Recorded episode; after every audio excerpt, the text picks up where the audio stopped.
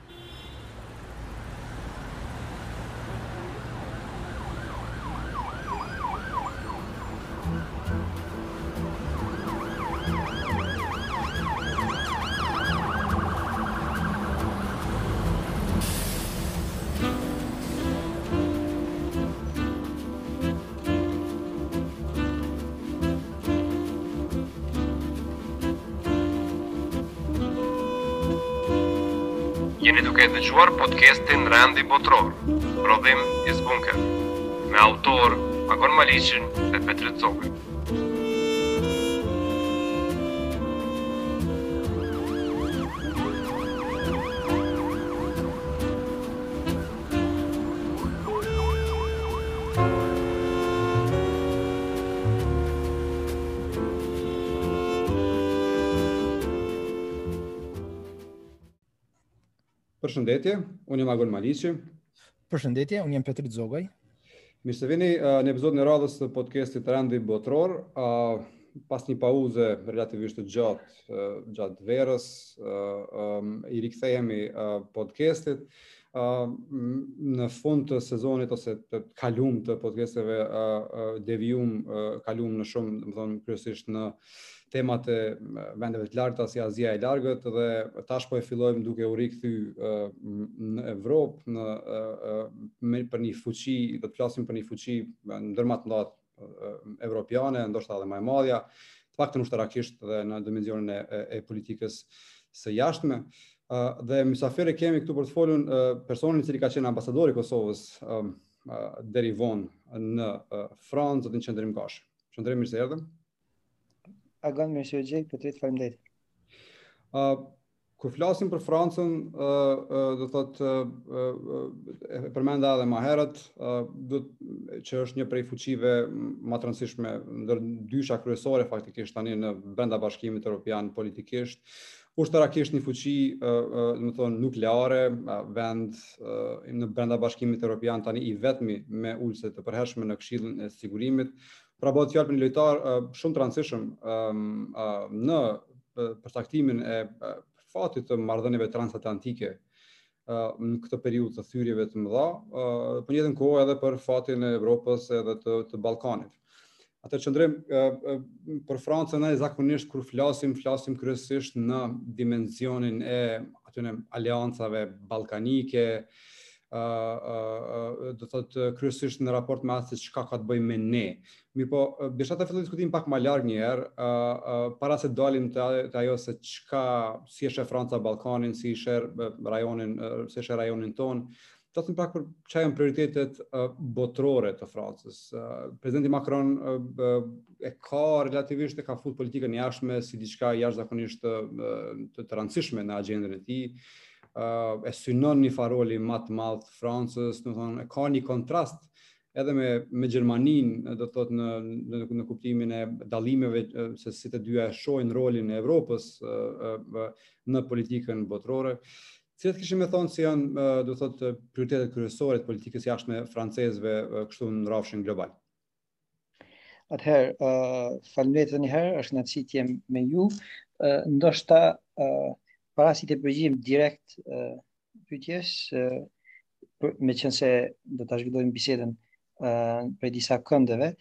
uh, a, disa fakte që i përmende janë shumë relevante për ta kuptuar uh, pozitën e Francës edhe atë se si Franca e sheh veten në botë. Domethënë, uh, anëtare e Këshillit të Sigurimit të OKB-s, ndër 5-6 ekonomitë më të mëdha botërore, fuqia e vetme ushtarake nukleare në Evropën kontinentale, një prej dy shtyllave kryesore të BE-s bashkë me Gjermaninë. BE-ja një blok që përfaqëson fuqinë e dytë ekonomike në botë pas SHBA-ve. Një prani e gjerë gjeografike me një shtrirje të zonave ekskluzive ekonomike në rreth 8% t'ujërave botërore që prap është e dyta në botë pas SHBA-ve. një vend me një rol uh, po e përdori një term singular në historinë, kulturën dhe artin botëror tash disa shekuj. ë uh, domethënë djepi i ndër të tjera gjuhës frënge që flitet në në në plot kontinente nga rreth 300 milion ë uh, uh, njerëz në në botë domethënë të gjitha këto janë atu për Francën dhe uh, ndër prioritetet natyrisht për secilin vend është fuqizimi i ekonomisë tyre, por uh, në aspektin global uh, ajo që quhet multilateralizëm, uh, ambienti, uh, Evropa e fortë, si dhe vlerat demokratike. Uh, këto janë uh, disa prej prioriteteve të të, të Francës. Uh, tek Evropa që po e quaj e fortë ose autonomia strategjike e Evropës, uh, besoj që uh, dëgjusit e juj uh, kanë pasur mundësi uh, ta lexojnë më shumë këtë term, sidomos kohëve të fundit uh, pas uh, ngjarjeve në lidhje me nëndetëset uh, e uh, Australisë, ose të cilat Australia dëshironte t'i uh, blinte nga Franca, por që tash ka ndruar mendje, e, e domethënë, kjo ka bërë që e, shpesh në, në Francë e, të ripërsëritet fraza e famshme e De Golit që duhet të jemi aleatë, por jo të rreshtuar. E, në frëngjisht tingëllon më mirë, se është me rimë, në anglisht i bie allied but not aligned, ose alliés mais non uh, uh, alignés, uh, Franca, domethënë, e sheh veten si një fuqi botërore e pavarur autonome që BE-n e ka si ose Evropën e fortë e ka si vektor të uh, projektimit të fuqisë së vet shpesh dhe si një fuqi ekuilibruese për shkak se madhësia saj nuk i lejon që të jetë fuqi dominuese siç pretendon të jetë për shembull SHBA-ja ose Kina. Domethënë, këto janë disa pikëpamje, po flas për një politikë kështu më klasike të, të Francës dhe të gjithë e, e, e, e kemi parë se megjithatë edhe brenda Francës, brenda shoqërisë franceze, ka zëra të ndryshëm për atë se si Franca duhet të lëvizë edhe zgjedhjet e vitit të ardhshëm, uh, kur uh, francezët do ta uh, zgjedhin presidentin e tyre ose do ta rizgjedhin presidentin Macron, do të jenë përcaktuese edhe për këto aspekte të politikës së jashtme, të cilat uh, e prekin direkt edhe uh, në fakt sigurinë kontinentale, pra, po dhe interesat e Kosovës. Uh, një prej temave qendrore në mbi të gjitha në në marrëdhëniet transatlantike, po kështu në në botë në përgjithësi është kjo rritja e Kinës dhe uh, domethënë, debati rreth qasjes se si të përballemi me, me Kinën në rritje, do thotë, si një, uh, jo vetëm shtet kështu uh, i madh ekonomikisht gjithmonë edhe më i fuqishëm, ushtarakisht domethënë gjithmonë edhe më i militarizuar, i cili domethënë ka potencialin për ta ndryshu rendin botëror dhe për me i transmetu ato normat e regjimit të vet, domethënë pra përbën edhe rrezik, kërcënim edhe për vlerat demokratike. E kemi në një anë një SHBA e cila e ka vu në, në theksin kryesor, domethënë të politikës vet të jashtme, e ka vu kërcënimin prej Kinës, deri në pikën ku flitet edhe për një lloj kërkese, domethënë një farë lloj qasje të decoupling apo të shkëputjes, domethënë të fillimit të një farë lloj shkëputjes edhe ekonomike dhe prej Kinës si dhe ndërtimin e aleancave, të cilat do ta, do t'i mbronin aleatët amerikanë, kjo u pa tani edhe me këtë AUKUS-in, aleancën. Ti përmende rolin e Francës si një farë lloj ekuilibruesi, fuqi ekuilibruese dhe kjo është pa në raport me Kinën ku Evropa në përgjithësi, po edhe Franca dëshiron domethënë që Kinën ta shohë vetëm, ta shohë jo vetëm si rival sistematik, por edhe të bashkëpunojë, domethënë në sfera të tjera si ajo si ajo e, e ekonomisë. Si si, si shikohet kjo Kina prej perspektivës Francës dhe cilat janë mendimet mbi raportet me SHBA-të rreth Kinës? ka uh, lexime, si thuhet, të ndryshme në lidhje me atë se si uh, Franca do të duhej të reagonte uh, në raport me uh, rritjen e ndikimit dhe prezencës madje të, të Kinës në tërë botën. Uh, nuk uh, nuk mund thuhet që që le ta qujmë fenomeni kinez injorohet në Paris, përkundrazi, uh, por uh, megjithatë dominon ideja që prap uh, aleatët, në këtë rast ajo që e qujmë perëndim, sado që termi perëndim pak uh, është i vjetruar, uh, duhet të bashkëpunojnë dhe nuk duhet t'i subordonohen njëri-tjetrit. Domethënë uh, subordinohen njëri-tjetrit. Për shembull, në këtë rast Ajo që ndodhi me uh, nëndetëset është parë nga Parisi pikrisht si uh, një tentativë që në një projekt ku Franca do të kontribuonte uh, për fuqizimin e atyre që i, i bëjnë rivalitet regional Francës, kësaj Kinës, këtë rast Australia, domethënë, Franca nuk është lejuar që në atë projekt ta japë rolin e vet uh, adekuat. Uh, përveç atyre detajeve tjera se a janë njoftuar me kohë, uh, si kanë qenë prapaskenat e, e këtyre uh, zhvillimeve, uh, domethënë, nga pikëpamja franceze ekziston një problem në qoftë se u thuhet atyre ejani kemi nevojë të bashkëpunojmë me ju ta konfrontojmë uh, Pekinin dhe njëkohësisht uh, ne kemi nevojë për bashkëpunimin uh, me ju po ashtu siç ju themi neve. Domethënë, megjithatë Franca mbetet një shtet uh, i njerëzve që janë krenarë dhe Ata dëshrojnë që pavarësinë dhe sovranitetin e tyre ta ushtrojnë deri në fund. Ë, kështu që kjo ky është një aspekt. Aspekti tjetër është aspekti ë edhe i ë këtyre ekuilibrave ku Evropa ndihet përgjithsisht më pak e kërcënuar direkt nga uh, rivaliteti uh, SHBA Kinë. Uh, tash a është kjo uh, një uh, a, i korrespondon realitetit ose jo, kjo është çështje tjetër, po veç po interpretoj ato se si shfaqen uh, simptomat e uh, reagimeve publike në në Francë. Prandaj uh, prandaj ishte zhgënjyes ky epizodi me nëndetëse, sepse pikrisht ata që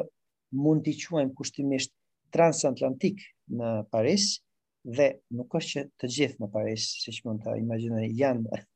uh, uh, përkrahës uh, të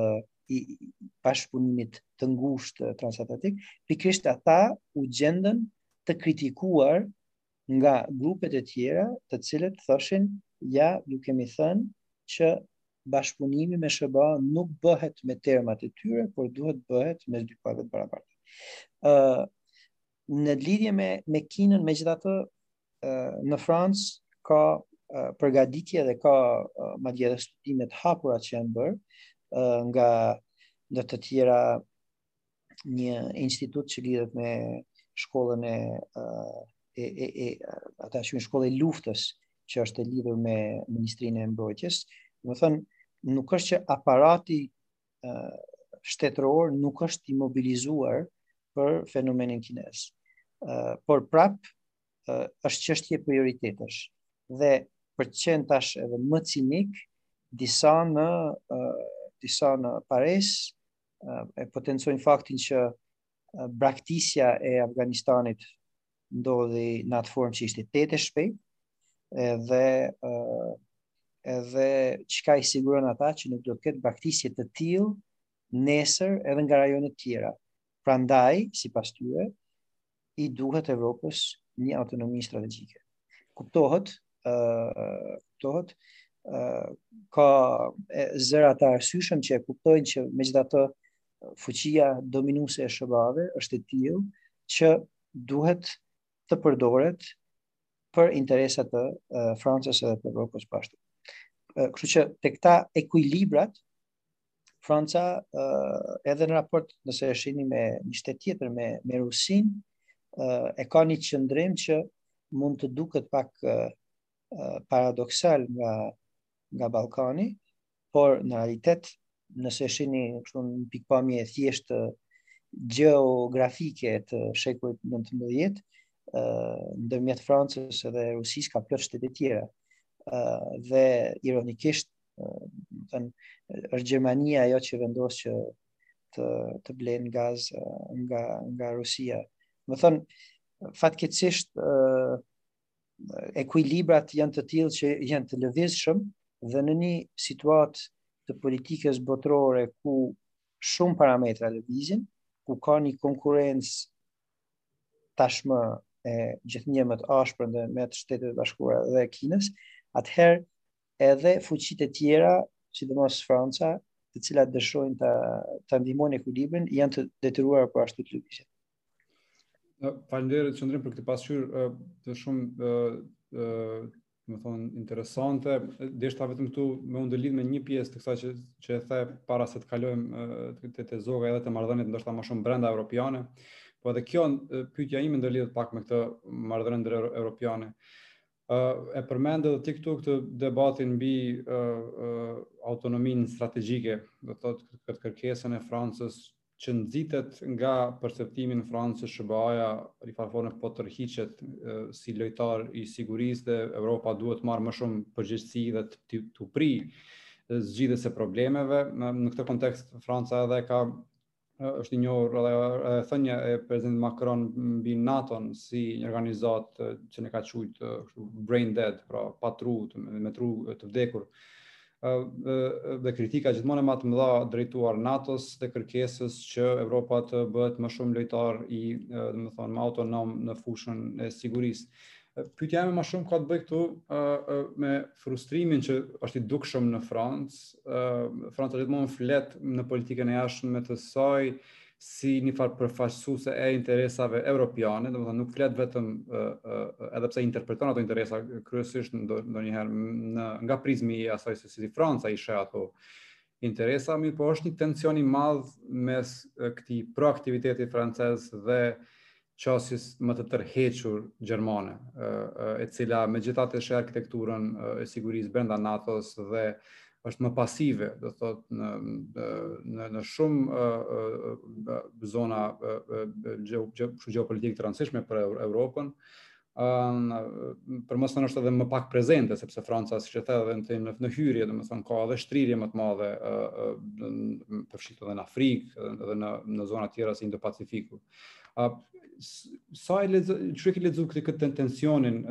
strukturor që ekziston në Francë me, me Gjermaninë dhe këtë mbi pikëpamjen, mbi rolin e Evropës, domethënë, sa është i thellë kjo, sa është e thellë kjo, kjo, kjo thyrje? në fakt binomi uh, Paris Berlin është uh, është esenca e, e projektit uh, aktual uh, politik evropian edhe uh, natyrisht që ka lëvizje, ka lëvizje me ardhjen e presidentit Macron ka prioritete të tjera në raport me presidentin Hollande, ka raport të ndryshëm me kancelaren Merkel, tash me shkuarjen e kancelares Merkel, do të ketë tjera raporte, uh, është një raport që është gjithmonë në evoluim. Ajo që mund të konstatohet megjithatë është që nga Franca në politikë të jashtme Gjermania shihet si vend më i ndrojtur. Dhe kjo edhe mund t'i konvenojë sipas disave Parisit, sepse shihet si shteti dominues politik nga Evropa në rrafshin diplomatik, por në realitet ë kjo edhe duhet të financohet disi. ë duhet të financohet edhe prania e ushtarake e trupave franceze në disa vende në Afrikë, e cila prani nuk lidhet thjesht me dëshirën që të dërgohen ushtarë diku, po se lidhet direkt edhe me sigurinë e shteteve evropiane dhe ndalimin e sulmeve potenciale terroriste në ato shtete, jashtë Francës, domethënë, jo vetëm në Francë. Dhe, domethënë, ekziston nganjëherë një, një tendencë në, në, në Paris që të shihet se shtetet e tjera nuk po i kontribuojnë mjaft këtij projektit evropian. Dhe pastaj do dalim me te Ballkani, po çkado që e dobëson këtë projekt evropian, e dobëson po ashtu uh, edhe uh, rolin edhe uh, peshën e, e, e Francës në Evropë dhe jashtë saj. Ndërkohë që uh, nëse e marrim prapë këtë uh, e, e, e, e ndërtojmë në kokën tonë një fotografi me, me harta, e, mund ta imagjinojmë Evropën lindore dhe juglindore, dhe atje e shohim që ka një prani shumë më të madhe paktën ekonomike gjermane. Ë edhe kjo bën që nga Franca të ketë një distancë edhe ekonomike me këto vende, ë nganjëherë edhe politike, ju e dini ka pasur herë pas here tensione me disa prej këtyre shteteve me Parisin, Budapesti, ë Varshava. si dhe mospajtime në lidhur me atë se çka duhet të bëjë projekti evropian. Ndërkohë që Gjermania e ka pasur një qëndrim më pak proaktiv në dukje, dhe si rezultat natyrisht që ka pasur edhe ajo që e quajtët më herët tensione unë e quaj divergjencë mes mes dy dy kryeqyteteve. Por në në fakt këtë divergjencë e kemi parë nganjëherë edhe ne në në rajon për çështje të ndryshme politike, madhore, pak madhore. ë dhe Unë mendoj që duhet t'ja rikujtojmë vetes, po e përdori një frazë shumë të thjeshtë, që nuk shkohet në Berlin përmes Parisit, sikurse nuk shkohet në Paris përmes Berlinit. Për shtetet, të gjitha shtetet e Ballkanit përfshi për Kosovën, është shumë e rëndësishme që të ndërtohen raporte bilaterale të fuqishme me të dyja shtetet kryesore në BE, Francën edhe Gjermaninë. Atëherë, qëndrojmë, po mbesim po pak edhe deri tek raporti, jo vetëm francezo-gjerman, po edhe francezo-britanez. Pra, kemi parë që pak a shumë korrespondon një pas referendumit në në Britaninë e Madhe për për daljen nga nga Bashkimi Evropian, kemi ka ardhur edhe presidenti Macron në në afërsisht në atë kohë 2016-2017 ka ardhur në pushtet dhe prej prej atij momenti është parë që Franca e, e ka pas një rrugë pak më të hapun për të dominuar uh, uh, ose për të për të shfaqur uh, interesat e saj dominuese brenda Bashkimit Evropian. A uh, e lexoni këta kët kët uh, uh, referendumin e Britanisë së Madhe si një derë që u hap për Francën që ta ridimensionojë raportin e saj me me BE-në, po edhe me me shtetet përreth BE-së, pra nuk e kam fjalën këtu vetëm për Britaninë e Madhe, po edhe për raportin që Franca don ta ndërtojë ose të paktën presidenti Macron e ka e ka shfaqur në disa raste me Rusinë, që është një prej shteteve evropiane, por që është pak a shumë si një farë konkurente ashtu i, i hapun i vetë projektit të Bashkimit Evropian. Pra, m, m, ka korresponduar me gjasë dhe, dhe me qëndrimin tuaj në në në Francë ambasador që uh, Franca presidenti Macron uh, ka tentuar që të uh, ri uh, riaranzhojë marrëdhëniet mes uh, uh, Francës, BE-së dhe dhe dhe dhe Rusisë si e keni parë këtë raport pas asaj që e, e thashë në fillim raportin me me Britaninë e Madhe. Atëherë ë uh, në lidhje me Britaninë e Madhe ë uh, ata që kanë qenë më proevropianët dhe që vazhdojnë të jenë ë uh, zërat sepse megjithatë edhe, edhe në Paris ka ka, ka të ashtuquajtur euroskeptikë nuk janë gëzuar që Britania e Madhe e ka e ka lëshuar BE-në. Por meqenëse ai ishte vendimi i popullit të Mbretërisë së Bashkuar, atëherë për të mos e lejuar projektin e BE-së që të dobësohet, pikëpamja e Parisit ishte që duhej një aktivizim i jashtëzakonshëm që të sigurohet që Por, është edhe projekt uh, i paqes edhe i, uh, i progresit uh, kontinental. Domethënë, me Brexiti ia dha një mundësi uh, Parisit që të ripozicionohet, por nuk është që kjo ishte ajo çfarë kërkohej. Sepse në fakt, Në fakt, zërat që lidhen me ekstremet politike dhe të cilat nuk ishin të kënaqura me pushtetin që e ka Brukseli në raport me kryeqytetet e vendeve anëtare, ata zëra tash janë fuqizuar. Domethënë ata që kanë qenë më pro-europian nuk e kanë dashur Brexit. Tash është e vërtetë që me daljen e Britanisë së Madhe, Franca dhe Gjermania e kanë një rol të fuqizuar. Dhe tashmë në vend që të aranzhohen takime trilaterale, mjafton një takim mes presidentit francez dhe kancelares gjermane që të merren vendime të cilat pastaj kuptohet duhet edhe të, të negociohen edhe me tjere, shtetet e tjera anëtare, por sidoqoftë këto janë dy shtyllat kryesore. Kjo e bën më të lehtë funksionimin për këto dy kryeqytete, ë dhe meqenëse projekti i BE-së i u pa si i lënduar, atëherë ishte e nevojshme që të mobilizohej Franca dhe uh, të të të ta fuqizonte këtë projekt. Tash nuk e di, unë nuk do ta përdorja detyrimisht termin dominues, por uh, është e qartë që ka zëra që ta zëmë theksojnë uh, me zë të lartë rëndësinë që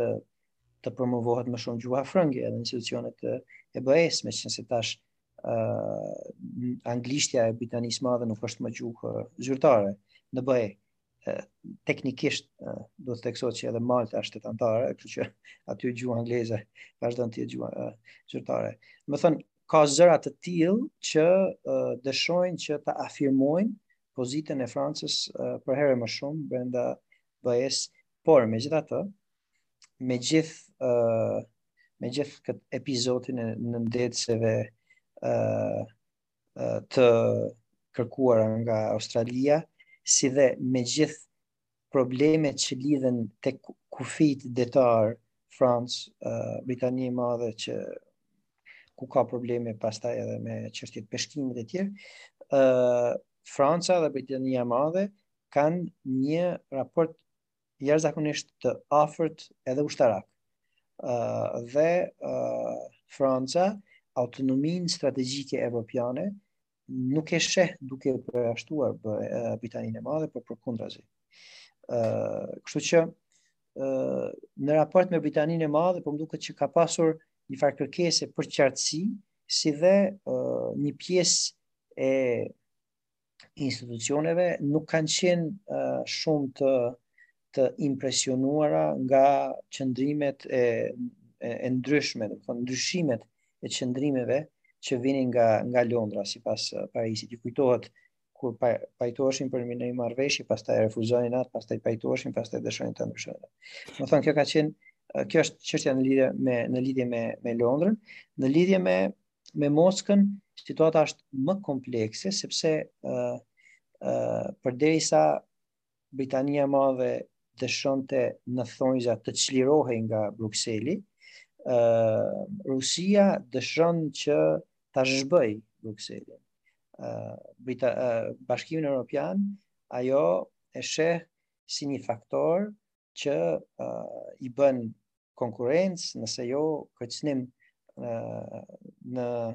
në në në vetë vendin e vet. Dhe natyrisht ne e dimë sidomos uh, vendet e Ballkanit ë uh, që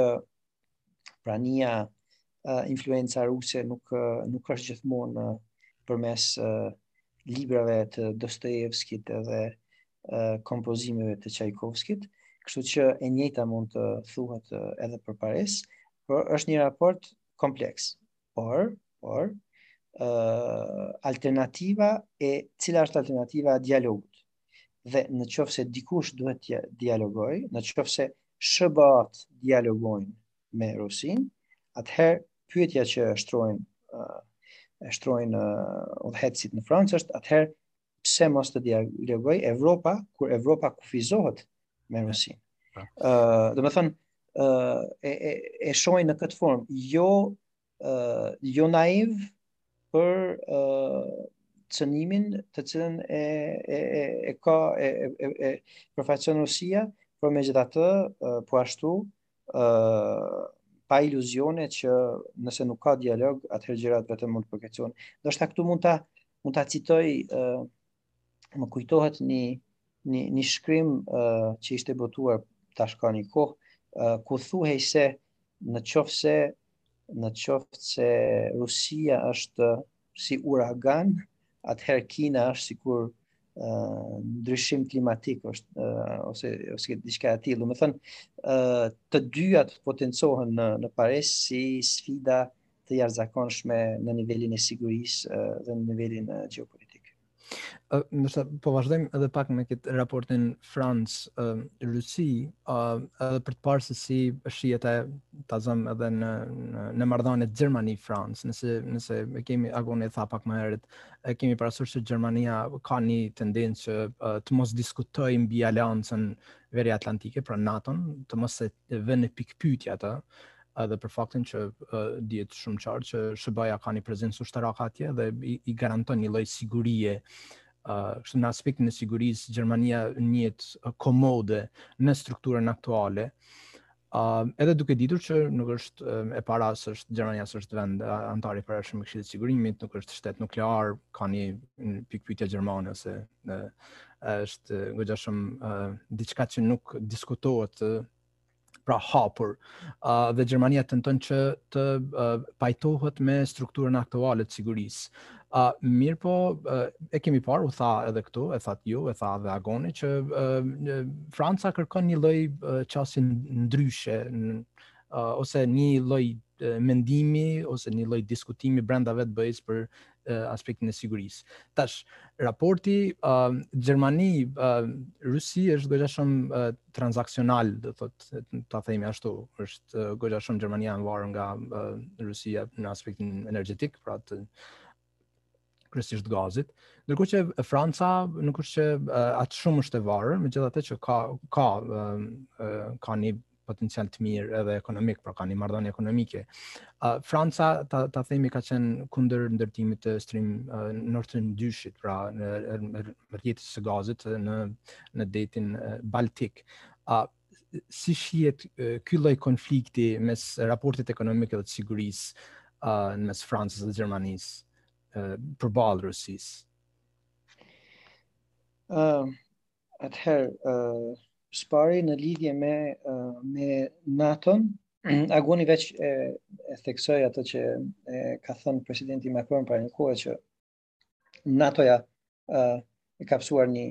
një vdekje uh, cerebrale, uh, por uh, në fakt uh, në fakt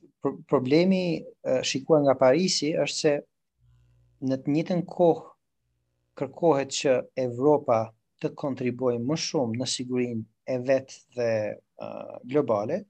e njëkohësisht uh, nuk lejohet mundësia që ajo të ketë një autonomi më të madhe, domethënë jo pavarësi, por autonomi uh, strategjike. Dhe kjo kjo bën që të kemi një situatë ku ë uh, uh, zërat të cilat uh, janë për rritje të kësaj uh, autonomie uh, të domethënë të shihen nganjëherë si zëra që nuk janë pro-amerikanë. por edhe edhe ata që janë atlantistë në në Francë e theksojnë se meqenëse vetë SHBA-ja e pranon që nuk mund të jetë e pranishme kudo, atëherë duhet që Evropa të fuqizohet. Domethënë, është një analizë të jetë racionale edhe uh, relativisht e, e, e thjeshtë. Në lidhje me, uh, në lidhje me Rusinë, domethënë e, e përmenda më herët, ë Franca e ka një raport ë i cili në fakt është raport, edhe raport historik me me Rusinë, ah, ah. por, por njëkohësisht, njëkohësisht ë Franca është një prej shteteve në BE, ë dhe ë siç e dini, vazhdojnë të jenë sanksionet në fuqi ë kundër ë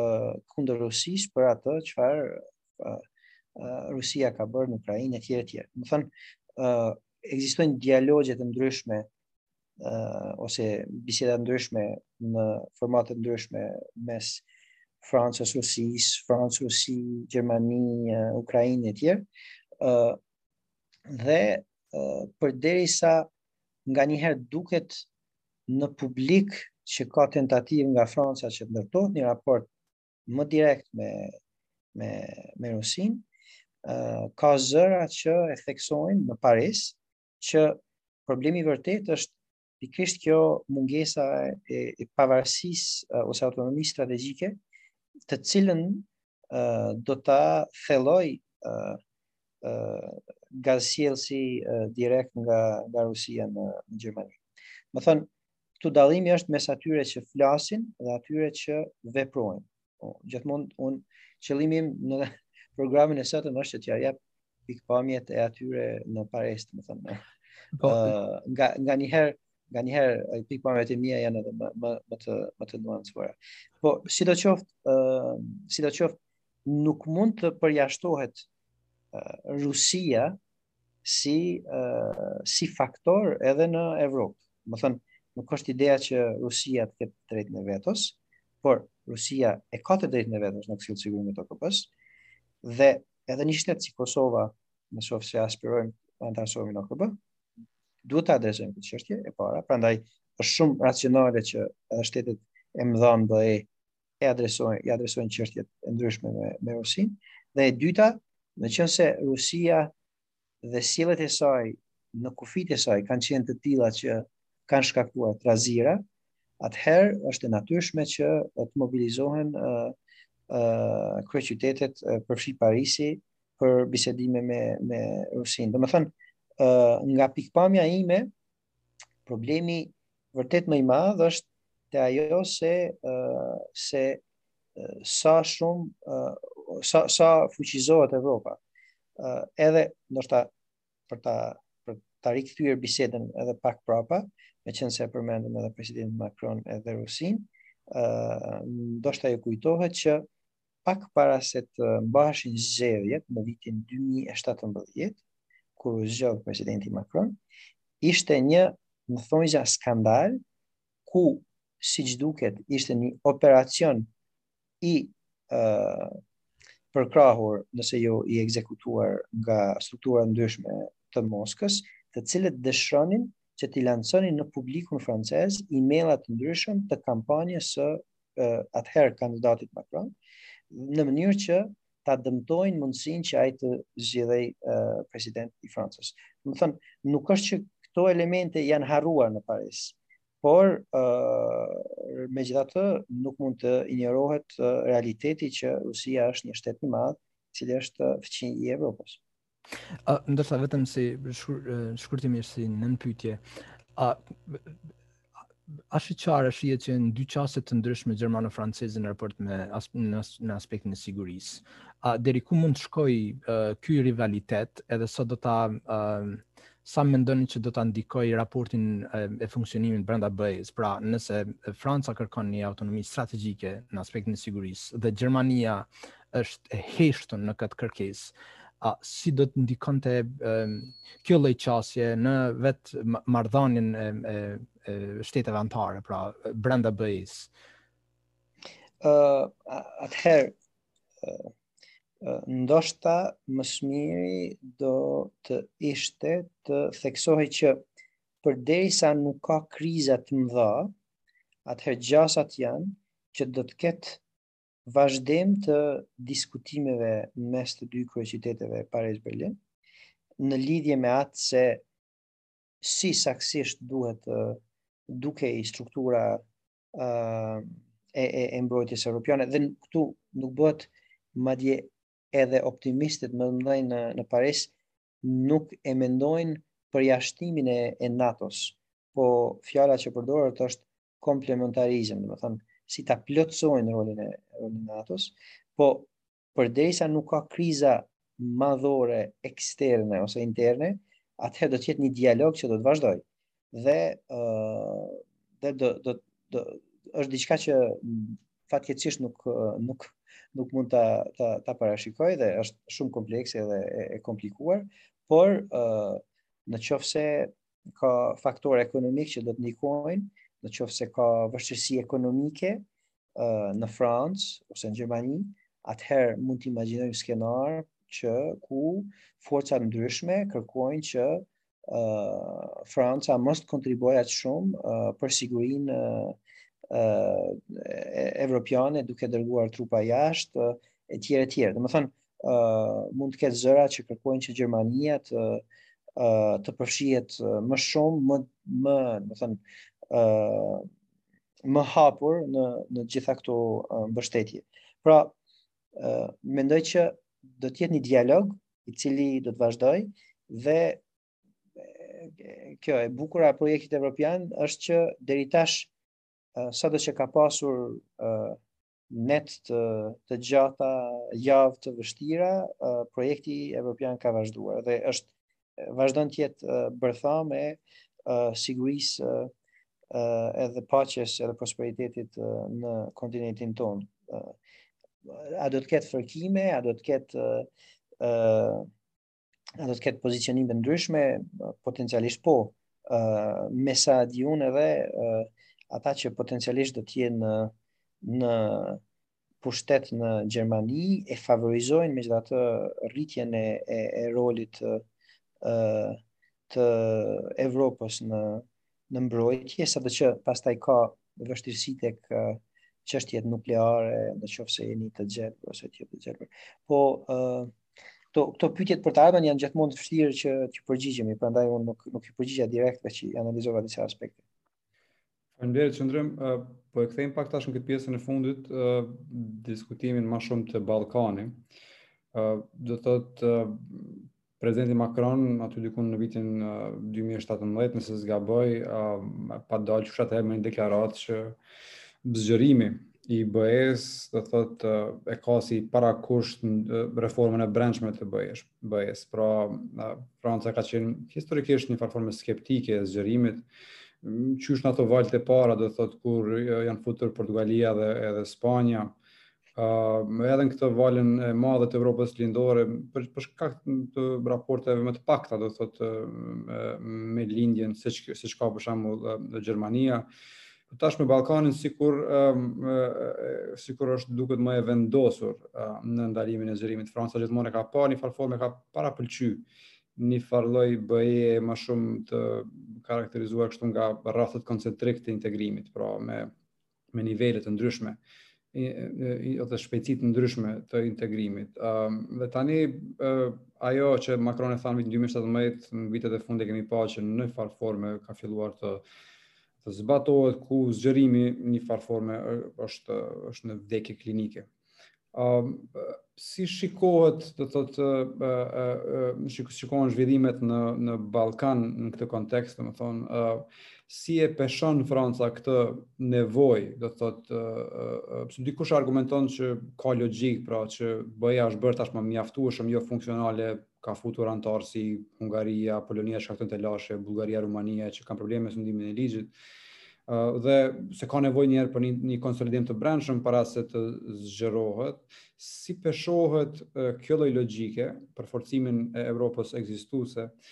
me problemet që kjo i ka shkaktuar në Ballkan, do të thotë për vendet tona, uh, ku ne kemi qenë në një farë forme të varur, uh, mjaft shumë, domethënë prej uh, procesit të integrimit. A, a, a nuk ka konsideratë për uh, uh, problemet e sigurisë që lindin, cila është, cilat janë, domethënë alternativa, cila është korniza e re politike e Francës për rajonin në një kontekst ku ku integrimi më një farë forme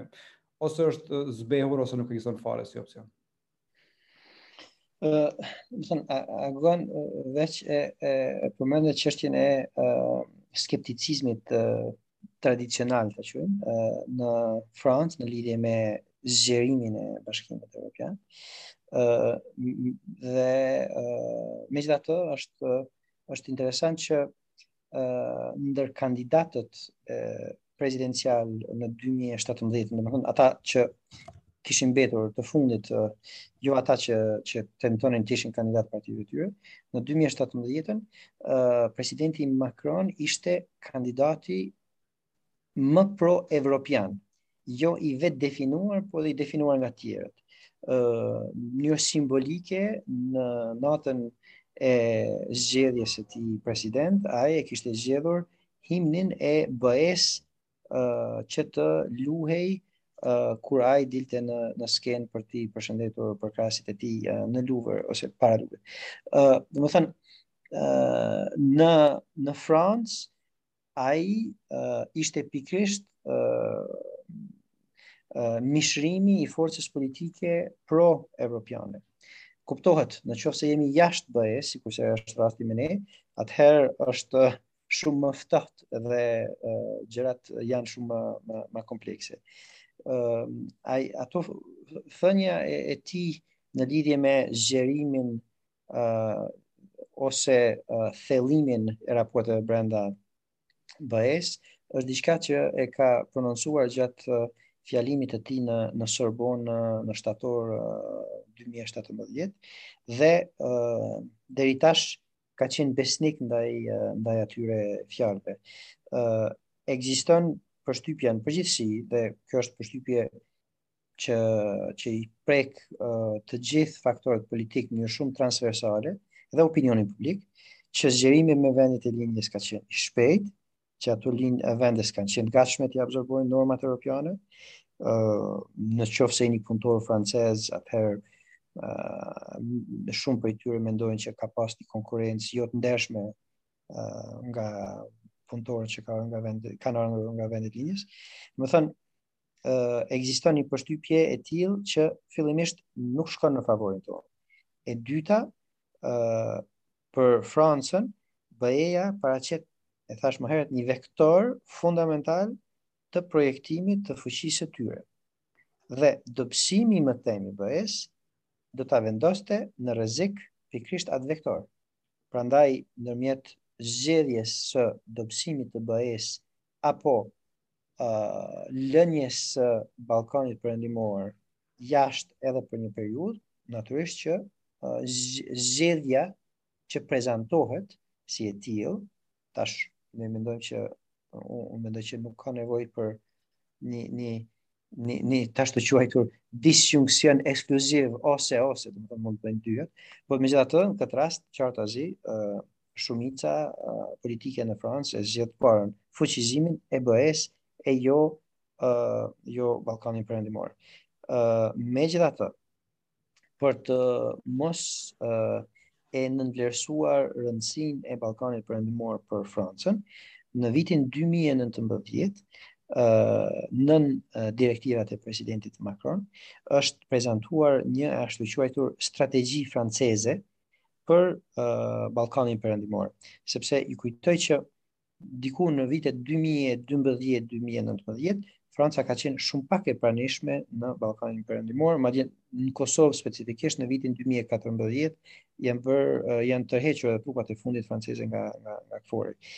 Në at, në strategjinë për Ballkanin Perëndimor, strategjinë franceze të vitit 2019 janë identifikuar katër fusha prioritare të bashkëpunimit, ë që ku janë zhvillimi ekonomik,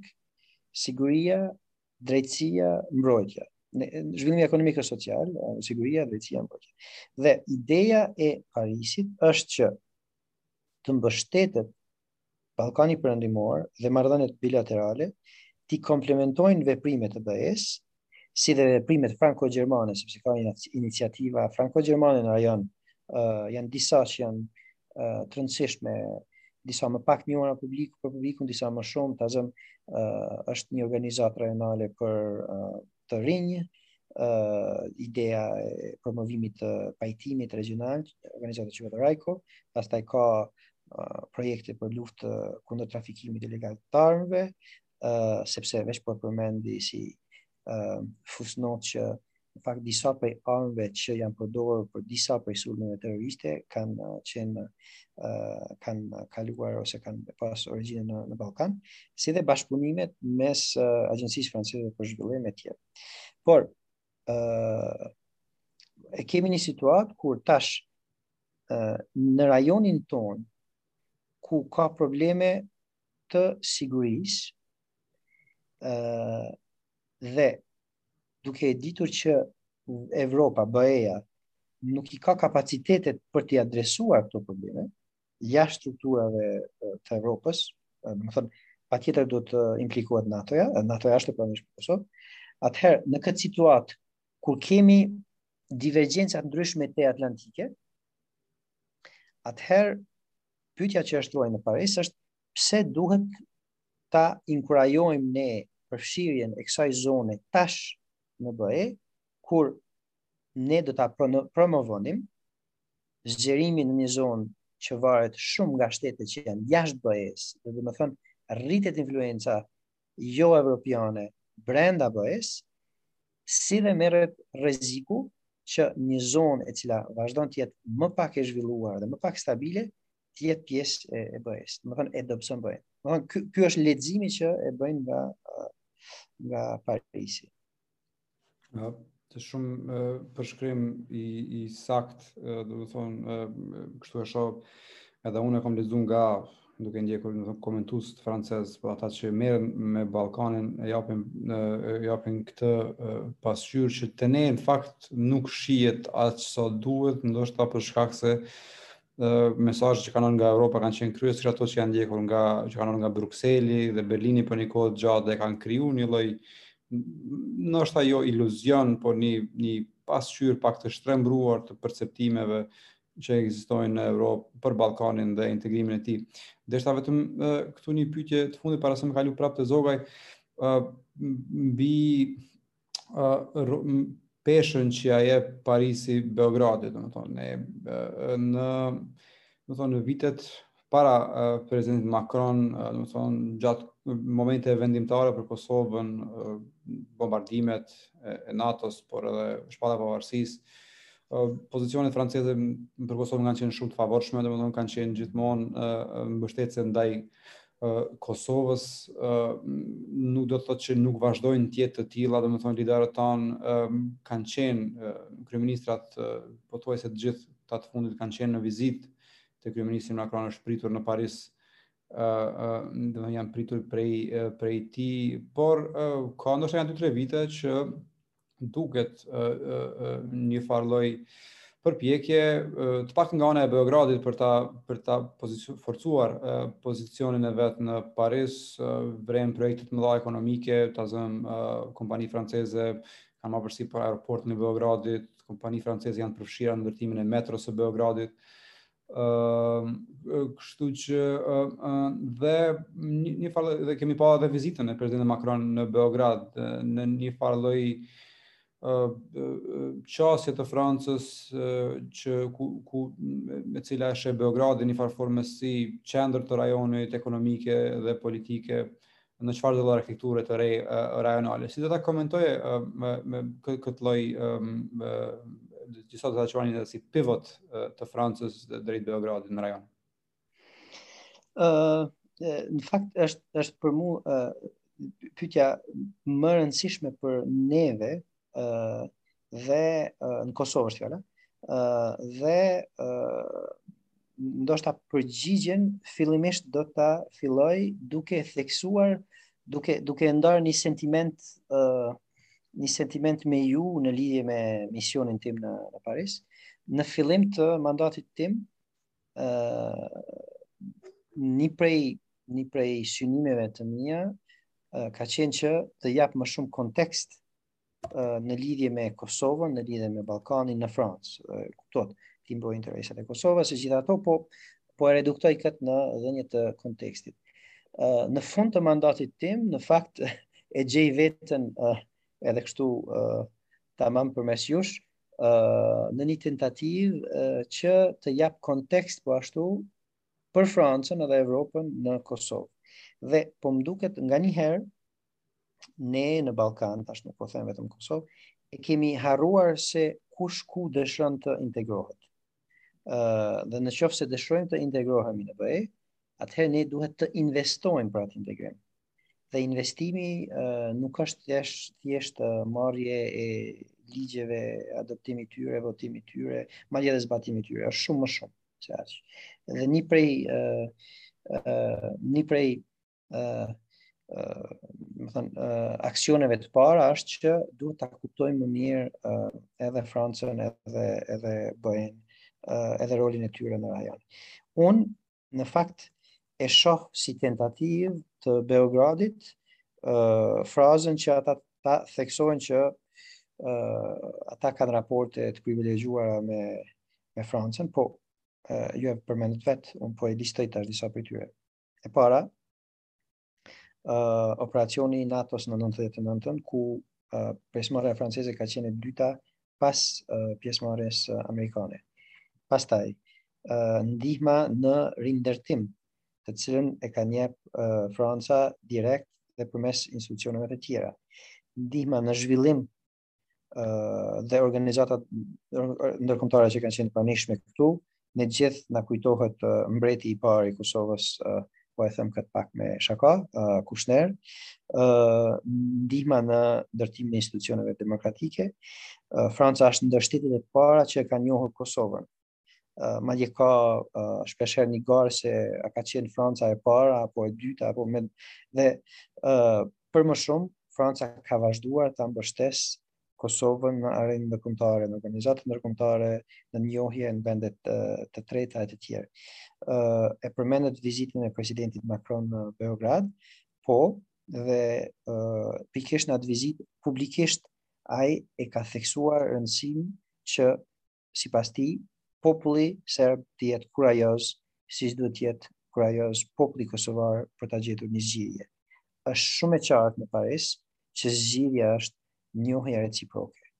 Por zgjidhja duhet të jetë e tillë që përfundon me një marrëveshje finale, jo pjesë-pjesë, dhe që pranohet nga të dyja palët. Nuk ka apetit as në Evropë, as përtej Evropës, që t'imponohen zgjidhje. Dhe uh, angazhimi i Francës dhe angazhimi personal presidentit Macron uh, në dialogun Kosovë-Serbi uh, është jashtëzakonisht i rëndësishëm dhe për t'u vlerësuar. Uh, tash, uh, ne duhet t'i shtrojmë pyetje vetes se a do duhej të ishim vend më atraktiv ekonomikisht çfarë mund bëjmë që ta zgjerojmë ë marrëdhënien ekonomike bilaterale me Francën e tjera. Por sido që të jetë, ë në asnjë moment, madje as gjatë vizitës së presidentit Macron në Beograd, nuk ka pasur pikëpyetje në lidhje me atë se cila duhet të jetë ë ë qasja franceze në raport me Kosovën. përkundrazi. Dhe ju kujtohen shumë mirë ato të famshmet, në thonjëza incidente kur presidenti i Kosovës ishte i ulur më mirë se sa presidenti i Serbisë etj etj, domethënë gjëra të tilla, ë uh, që më shumë tash uh, ngjajnë në spektakël, por ë uh, por megjithatë uh, duhet secili të jetë i vetëdijshëm për peshën specifike që e ka në në rajon dhe në botë. ë Kosova edhe Franca kanë raporte të shkëlqyeshme, po theksoj këtu tash meqenëse Agoni është në Shqipëri. Shqipëria dhe Franca kanë raporte të shkëlqyeshme po ashtu dhe kanë një bashkëpunim shumë më të thellë ekonomik se sa Kosova ë për momentin me me Francën dhe ë ta zëm Edhe Shqipëria dhe Serbia kanë edhe nënshkruar marrëveshje formale të bashkëpunimit strategjik me me Francën. ë uh, i theksova disa aspekte të rolit historik të të Francës në Kosovë, uh, nuk e përmenda Rambujen, mobilizimin e intelektualëve francezë gjatë viteve 90-ta, që është diçka jashtëzakonisht unike në në në e Evropë kur jo vetëm një, jo vetëm dy, po ishte një grup i tërë i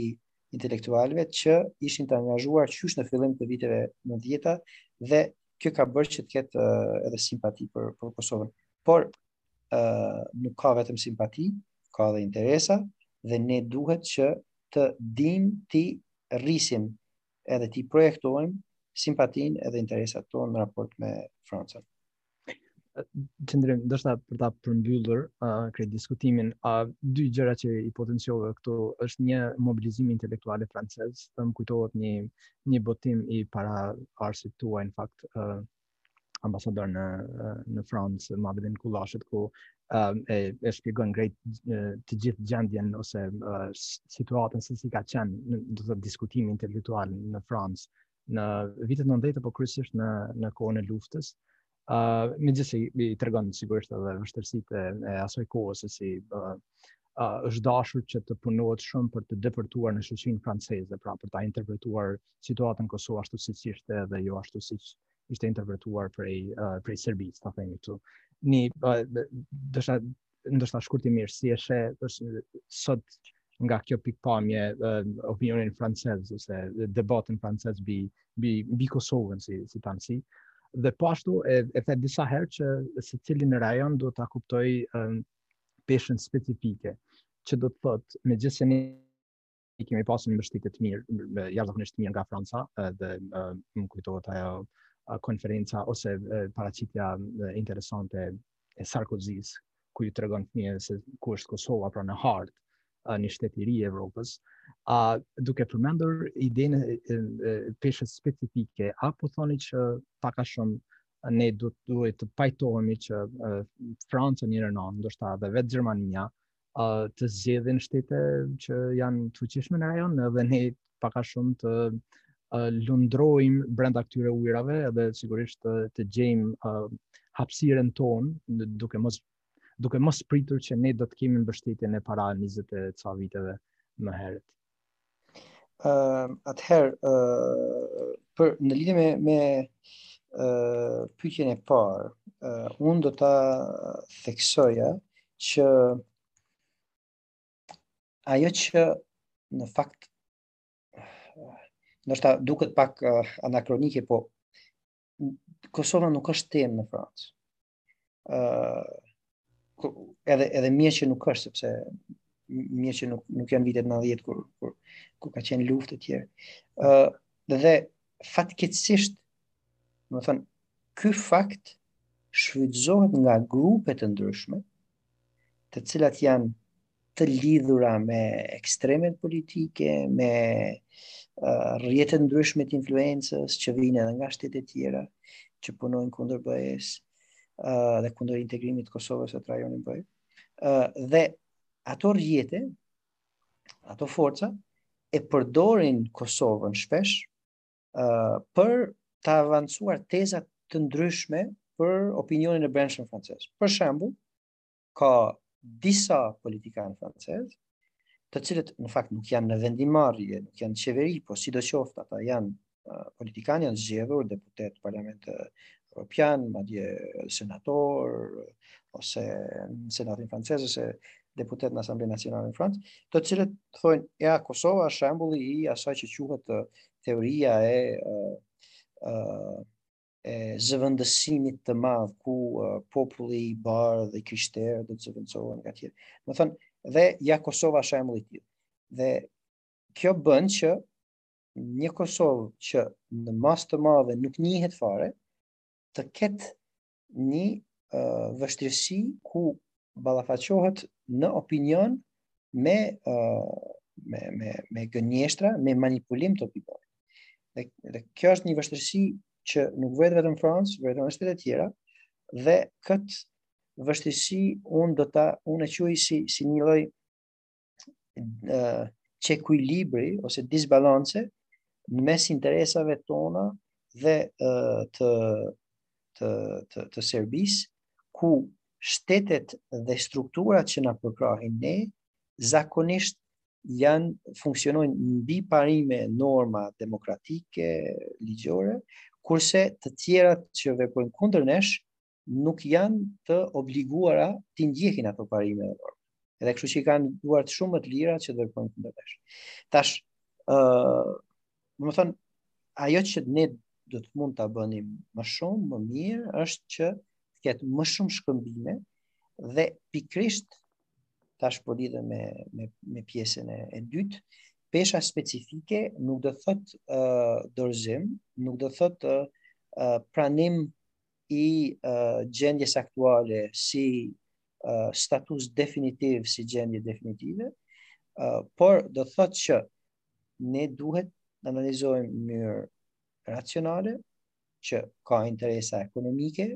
të shteteve të ndryshme, edhe Gjermania investon në shtetet e rajonit, edhe Franca investon në shtetet e rajonit, edhe Italia investon në shtetet e rajonit. Pyetja që duhet ta shtrojmë vetes është çka mund të bëjmë ne që të jemi vend atraktiv për investime ekonomike nga këto tri shtete që i përmenda, po edhe shtetet tjera. Kjo është e rëndësishme. Dhe vetëm pastaj, ne do të mund të shikonim që peshën specifike ekonomike ku fatkeqësisht jemi ekonomi më e vogël, do të mund ta zëvendësonim përmes rrjeteve të ndryshme të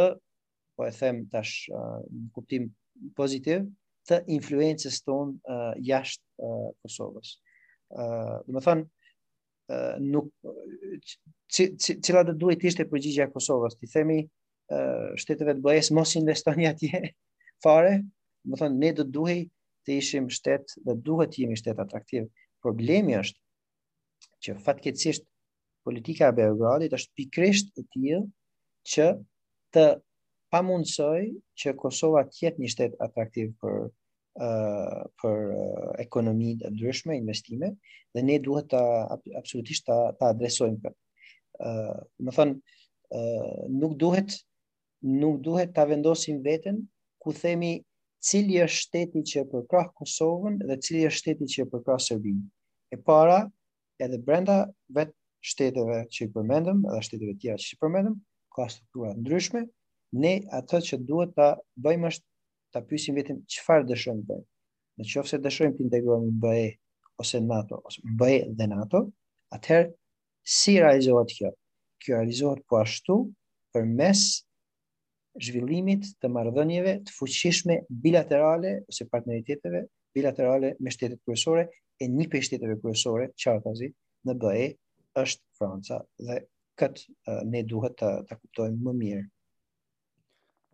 Faleminderit shumë Qëndrim që edhe përfundove me me një farë lloj, në farë forme me një farë lloj rekomandimi, mendoj se është neglizhu